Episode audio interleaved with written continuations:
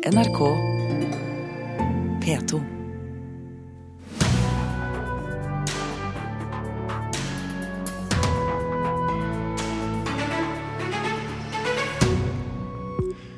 Bjarne Melgaard slapp å betale moms i tollen. Andre norske kunstnere venter fortsatt på nye regler. Aftenposten arrangerer klimadebatter og får Statoil som sponsor. Grønnvasking av oljegiganten, mener Natur og Ungdom. Og mange av konkurransene som tilbys på Facebook, kan være ulovlige. Dette blir saker i Kulturnytt i dag, hvor vi også skal anmelde Jonny Hallbergs siste bok. Og så skal vi snakke om det nye Harry Potter-universet. Norske kunstnere har ventet i over to år på nye regler for å ta egne kunstverk momsfritt inn i landet gjennom tollen, og de må fortsatt vente. Men litt lys i tunnelen er det. Finansminister Siv Jensen grep i hvert fall inn da samtidskunstner Bjarne Melgaards 16 kunstverk ble stanset i tollen, og kunstneren slapp et momskrav på 1,3 millioner kroner. Og det var en glad gallerist Gard Eikelid som i går kunne hente kunsten. Hallo. Hallo. der vet du. Det her er en uh, gledens dag for meg.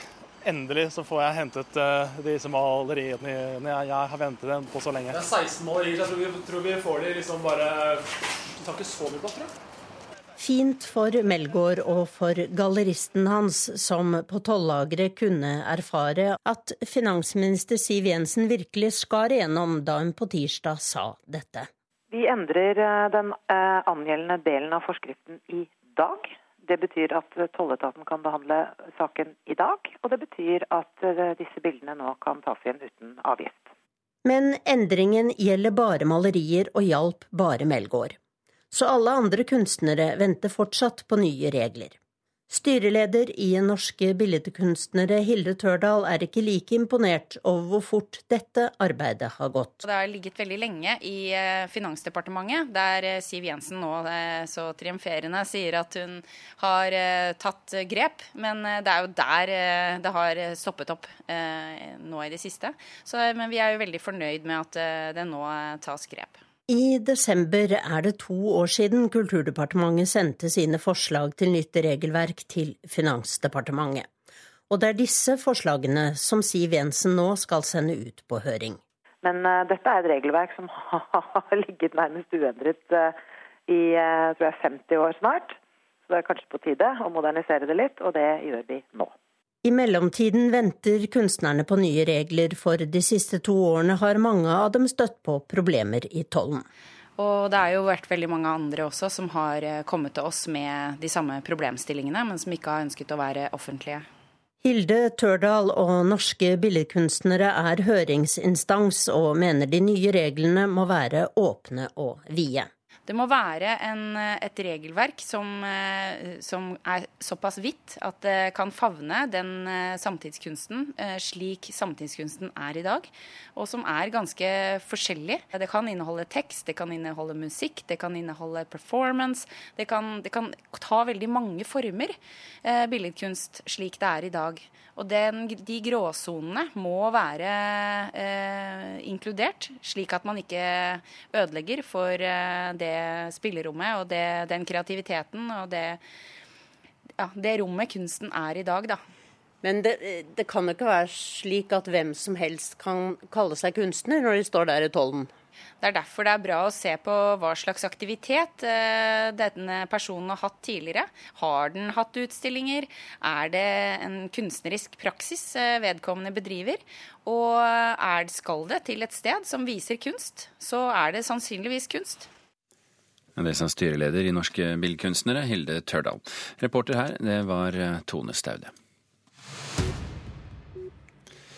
Så har reporter eh, Kirsti Falk Nilsen eh, kommet inn for å fortelle litt om hva som står i avisen i dag. Og det avdekkes, avdekkes store kulturhistoriske tragedier, Kirsti, etter hvert som IS jages tilbake? Det stemmer. Flere aviser har i dag bilder fra Nimrod i Irak, som i helga ble frigjort fra IS. Og dette området, det er altså et område som ligger tre mil fra Mosul, hvor kampene fremdeles pågår. Og bildene viser det som beskrives som en arkeologisk katastrofe. Det er bl.a. steintavle med det som trolig har vært verdens største skrift, første skriftspråk, eh, som ligger knust på bakken. Eh, Unesco har stempla ødeleggelsen som krigsforbrytelser. Og eh, Professor Jørgen Christian Meyer ved Universitetet i Bergen han sier til VG at det her er langt verre enn det vi har sett eh, Taliban gjøre. Det er ikke bra. Um, skal vi bare gjøre et sprang til noe hyggeligere? Jeg syns vi skal. Well, since my baby left me, well, I found a new place to dwell. Well, it's down at the end of Lonely Street, that heartbreak hotel where I'll be. I'll be just a lonely, baby. Dette er uh, gjenkjennbart. Dette er Elvis. Det er Elvis. Og og gladsak for alle Elvis-fans, for nå har HBO kjøpt eh, rettighetene til det som skal bli en dokumentar om Elvis, som eh, visstnok blir ganske omfattende. Eh, de har fått tilgang til tidligere filmer, bilder og intervjuer med Elvis helt fra barndommen av. Og det er Tom Simmy, som tidligere har eh, laga flere dokumentarer om Bruce Springsteen, som står bak prosjektet. Og Kjenner vi HBO rett, så gjør de det grundig, og da tar det vel litt tid før vi eh, får se den. Kirsti Falk Nilsen, takk for at du orienterte.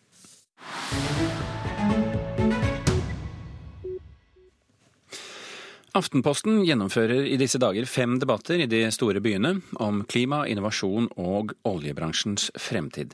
Med seg som samarbeidspartner har de oljegiganten Statoil. Og på Aftenpostens nettsider har Statoil kjøpt annonseplass til flere påkostede og lekre videoer, der det fremstår som om de er i dialog med unge mennesker. Der de ønsker de unge menneskenes syn på Statoils fremtid. Men der de unge menneskene også har en tendens til å konkludere med noe Statoil lett kunne være enig i. Energibehovet i verden blir bare større og større. Verdens befolkning øker stadig. Og flere og flere går fra fattigdom til middelklasse. Da kan ikke vi bare stenge kranene, som noen sier. Vi må fortsatt ha olje- og gassnæring. Men selvsagt, vi må også bruke ressurser på teknologi for også fornybare energikilder. Et eksempel på Statoil i dialog med ungdommen om fremtiden. Ingrid Skjoldvær, leder i Natur og Ungdom for tiden på klimakonferansen i Marrakech. Hva tenker du når du hører dette her? Altså, jeg tenker jo det her er rett ut grønnvasking fra Statoil, og at Aftenposten er med å gi legitimitet. Det er veldig mange vedtatte sannheter her som, som vi også kan være enig i, som at vi ikke skal stenge igjen kranene i morgen. Men andre kontroversielle spørsmål, sånn som oljeboring i Lofoten, Vesterålen og Senja, det, eh, det argumenterer Statoil rett forbi. og det, Her er Aftenposten også med på støtte. Aftenposten skriver jo jevnlig og forholdsvis mye om jordklodens klimaproblemer. Hva syns du om dette prosjektet som et, eh, et avisprosjekt? Nei, altså, Vi er jo veldig glad for at Aftenposten vanligvis eh, er veldig flink til å skrive om klima. Samtidig så er de gjennom et samarbeid som dette med på å grønnvaske Norges aller største forurenser, oljeindustrien, og et kjempestort selskap som Statoil. Og jeg syns det er litt betenkelig hvordan eh, denne dobbeltrolla virker i dette samarbeidet. Politisk redaktør i Aftenposten, Trine Eilertsen. Skjoldvær mener dere grønnvasker. Hva er din kommentar? Nei, altså, vi har jo to, to, løp i dette samarbeidet med Statoil. Den filmen du nevnte og, og, de annonsene. Det er jo et vanlig annonseløp. Det har vi holdt på med i 150 år.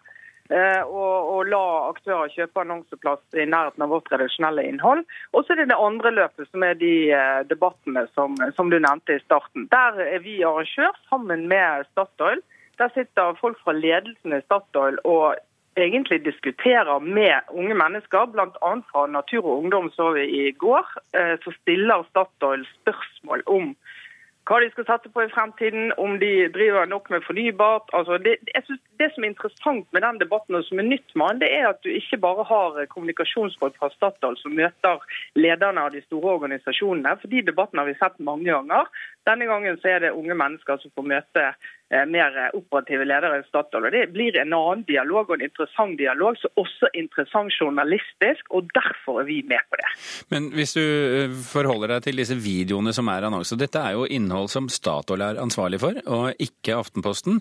Men eh, er du redd for at de kan være med på å farge det inntrykket at dere er i lomma på Statoil?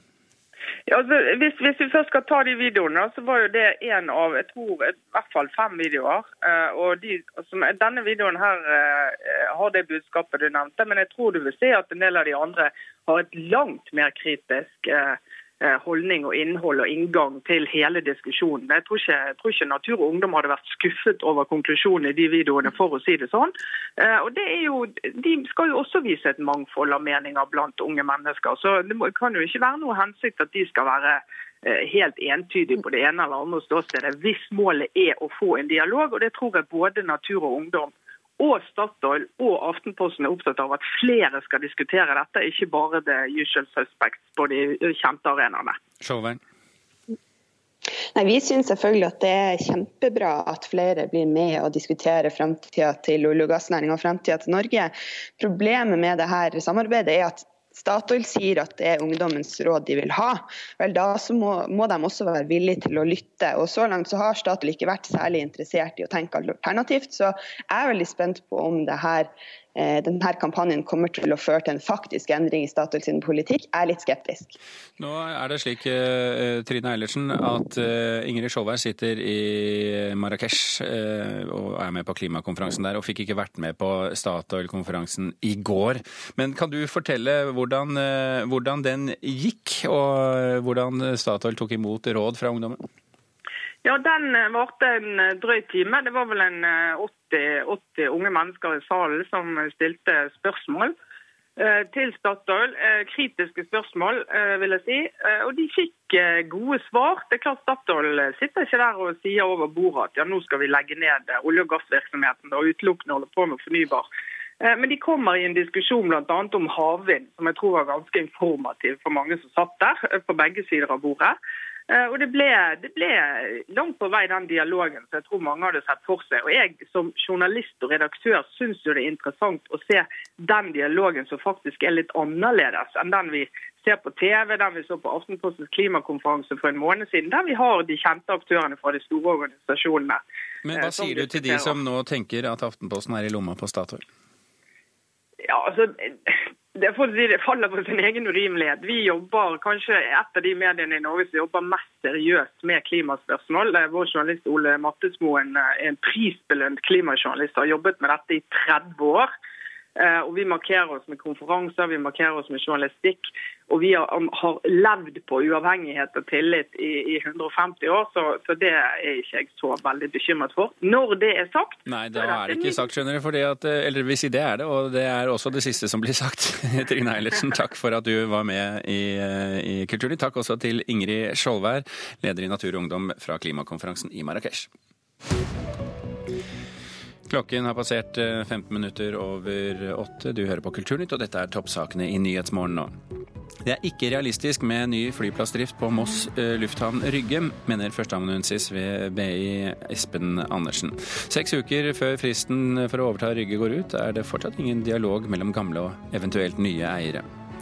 Arbeidsminister Anniken Hauglie ber flere bedrifter søke Nav om opplæring av ansatte, for å stå bedre rustet til å vinne nye oppdrag.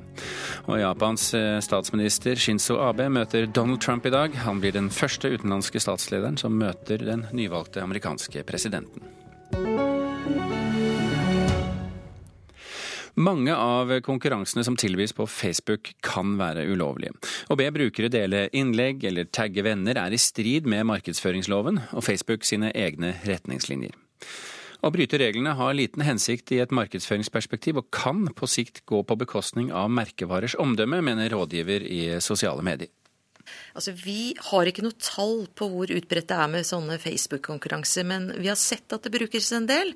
Den type konkurranser den er ofte i strid med Facebook sine egne regler. Det sier Bente Østli, nestleder i Forbrukerombudet. Hun viser til at brukeren sjøl må tillate markedsføringa en blir eksponert for på Facebook. For at du skal motta markedsføring i digitale flater, så skal du ha gitt samtykke til det. Og det blir veldig ofte slik at hvis du får en masse konkurranser på din egen eh, side, så blir det sånn informasjonsforurensning. Lett at det kan bli i strid med spam-forbudet. Østli forstår at slike konkurransetilbud er forlokkende, men tror at en gjengse Facebook-bruker ikke er opplyst om at dette er ulovlig.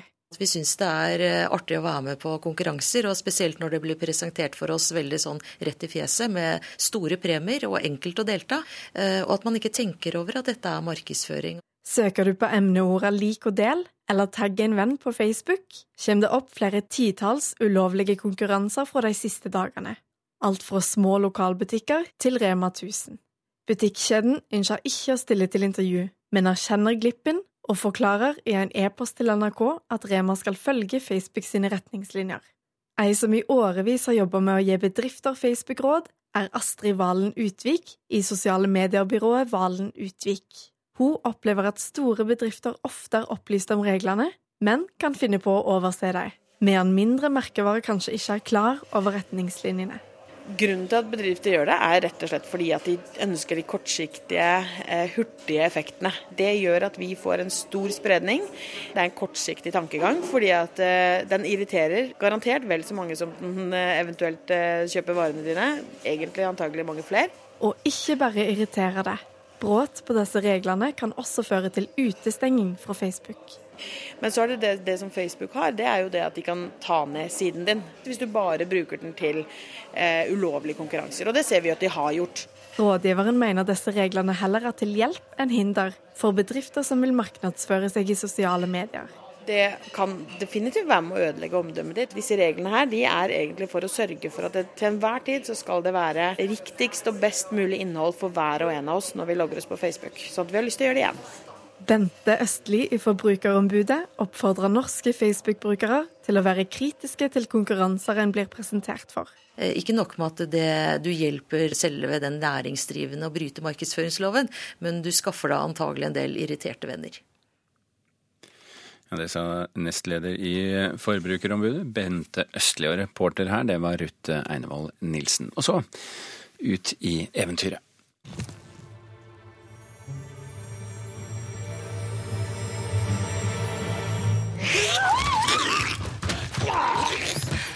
Lewis, what is that? Nothing to worry about.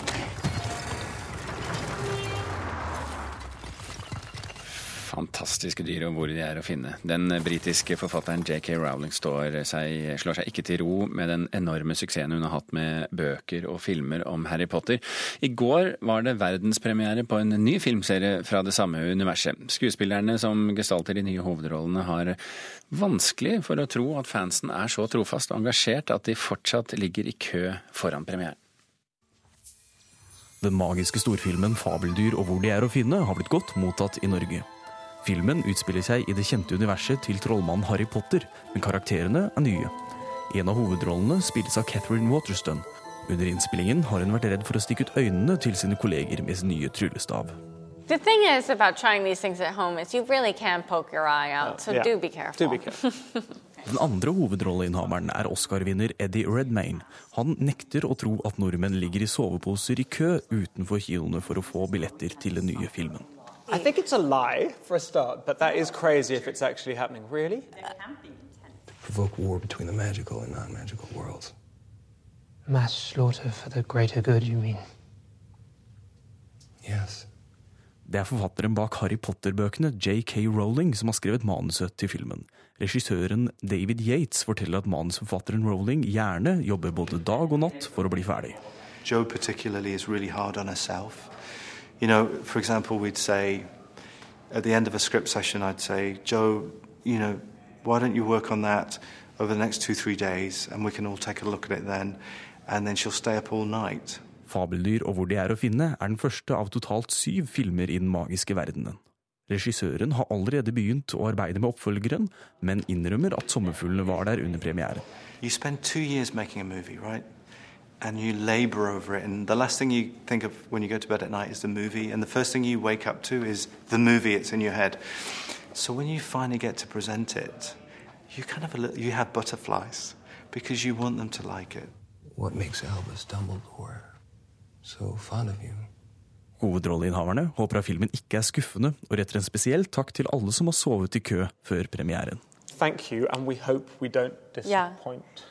I can't say that in Norwegian, but I can say tusen takk, which is something. What does that mean? Thousand thanks, or thank you. you. Really yeah. tusen takk. My sister-in-law is Norwegian. Og dette var eh, skuespillerstjernene som snakket med Kjersti Flå i Amerika, og dette var tilrettelagt av Philip Johannesborg, vår reporter. Marie Kleve, litteraturansvarlig i Dagbladet, velkommen til Kulturnytt. Takk for det. Er du overrasket over at man lykkes med å lage en ny filmserie av Harry Potter-universet? Nei, jeg er jo ikke det. Ehm, jeg tror det Da den forrige filmserien og bokserien var ferdig, så tror jeg det var at de aller fleste av fansen tørste tørstet etter mer. Det er jo litt sånn med, med gode historier at du skal ha litt kjærlighetssorg når de er over. Du skal, du skal eh, ønske deg mer. Jeg tror at når det kommer en ny mulighet, da, så griper man jo den. Men er det riktig å gå løs på en ny syvfilmers sekvens?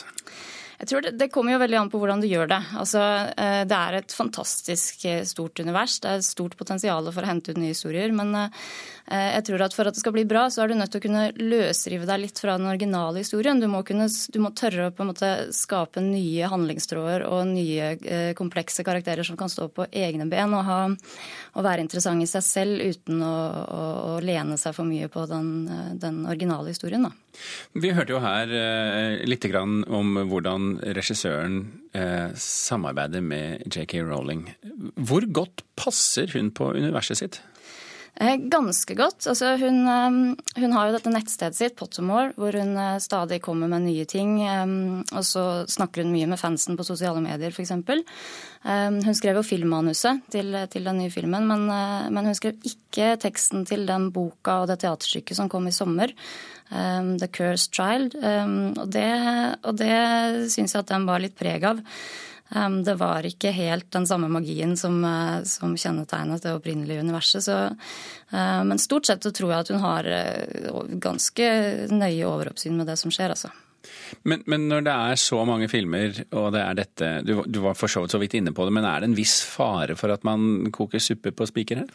Det er jo det. Altså, det er jo nok av eksempler både innenfor uh, filmunivers, altså filmserier og TV-serier uh, fins det mye av som har fått uh, holde på i nesten i det uendelige fordi det har vært mye penger å hente, uten at uh, det nødvendigvis har vært så mye mer spennende å fortelle. Så så, så, det er klart at det er en risiko. Men uh, samtidig så er jo Rowling en fantastisk god forteller, så så lenge hun har noe, noe nytt som hun vil si, så, så, så, tror jeg at det er et stort potensial for at det kan bli bra. Og nå går jo ryktene, og eh, vi snakker om dette fordi vi, jo, vi er jo midt i en sånn skamtid med, med ungdom og homofili. Vi kommer jo tilbake her med Humlesnurr, altså denne rektoren ved skolen eh, til Harry Potter.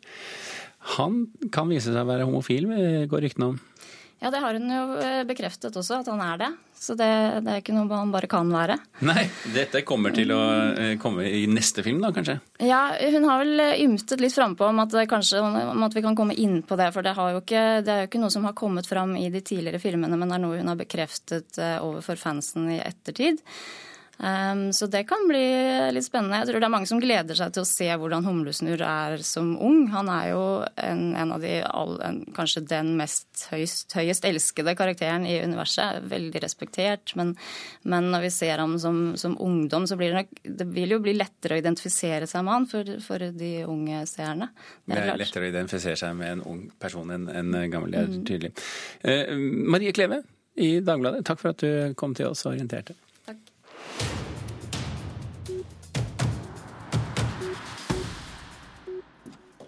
En ny novellesamling fra Jonny Hallberg er ikke hverdagskost. Det er 24 år siden sist, og historiene i den nye boken 'Like nord for kirka' Fortellinger 1994-2016 er jo, som tittelen antyder, skrevet gjennom mesteparten av de årene. Og anmelder eh, Knut eh, Hoem eh, han er jo småbyrealist, kjent som småbyrealist, skriver historier fra små samfunn. Er det det som er gjennomgående her også?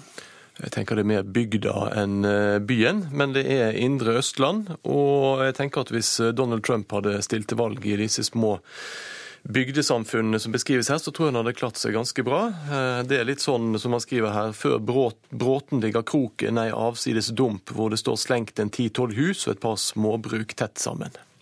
Men, men, hva slags fortellinger er dette her, da? Er det, det er vel personer litt eh, Ikke de mest ressurssterke personene, kanskje, som vanlig? Nei, det er ikke det. Men, men så plutselig dukker det opp en fyr som driver med avantgardistisk friteater, og som har flyktet fra byens eh, kjas og mas. Så det er ikke helt entydig heller. Eh, det begynner og slutter med en bilulykke. Både første novellen 'Aldri mer Willy', som ble skrevet til en eh, novellekonkurranse vi hadde her i NRK i fjor, og siste novellen, som heter 'Like nord for kirka', slutter med at eh, mennesker plutselig hører eller kommer i nærheten av en ulykkessted der det ligger veltete trailere og i stykker kjørte cortinaer, og så ligger det mennesker inni der. Mm. Og da skjer det noe med disse menneskene som kommer i nærheten av dette. Så det er veldig mye historier om mennesker som blir utsatt for noe usedvanlig, og så forandrer det noe i dem. Er, er det vil du si, en slags gjennomgående tråd eh, i disse hva skal vi si, 22 årene med noveller? Ja, Dette er jo gjennomgående novelle, hva skal jeg si, hører til sjangeren nesten. Men det som er gjennomgående hos Hallberg, er jo dette her at han bruker Hemingways top of the iceberg-teknikk. altså du ser mesteparten av isfjellet ligger under vannet, det er bare en liten topp som stikker opp, og det er bare den toppen vi får vite i fortellingen. Resten må vi gjette oss til, og det er alltid I disse novellene, som er jo bare en tre, fire, fem sider hver, så er det sånn at man lurer hele tiden på hvilke faenskap er det som kommer rundt neste sving. Og det er ganske godt gjort å få oss til å bli så bekymret for det. Og for, for å klare det, så må du jo først på veldig kort tid klare å skape engasjerende personer da, som man interesserer seg for. Og det får Hallberg til i eh, på en måte fortellinger som jeg vel si, kan si er på en måte eh, noe av grunnmaterialet, grunnfortellermåten i dette forfatterskapet. Du nevnte Trump, eh, som er jo veldig aktuell for tiden. Eh, hvor, eh, hvor aktuelle er disse novellene? Ja, Det har jeg tenkt litt på, ikke minst fordi at han kom jo Hallberg i en sånn flom, kan man kanskje si, av realistiske forfattere. Per Petterson, Levi Henriksen, Lars Mytting, Katrine Evli. Da føltes denne skrivemåten mainstream. Nå føles den ikke det. Nå er det altså virkelighetsnært blitt, og da føles dette, å lese denne type fortellinger, veldig forfriskende. Knut Hoem eh, om Jonny Hallbergs 'Like nord for kirka'. Tusen takk for at du kom til Kulturnytt. Thomas Alvarstein Ove og Birger Kolsrud Aasund har gjort sitt. Vi takker for følget. Hør flere podkaster på nrk.no podkast.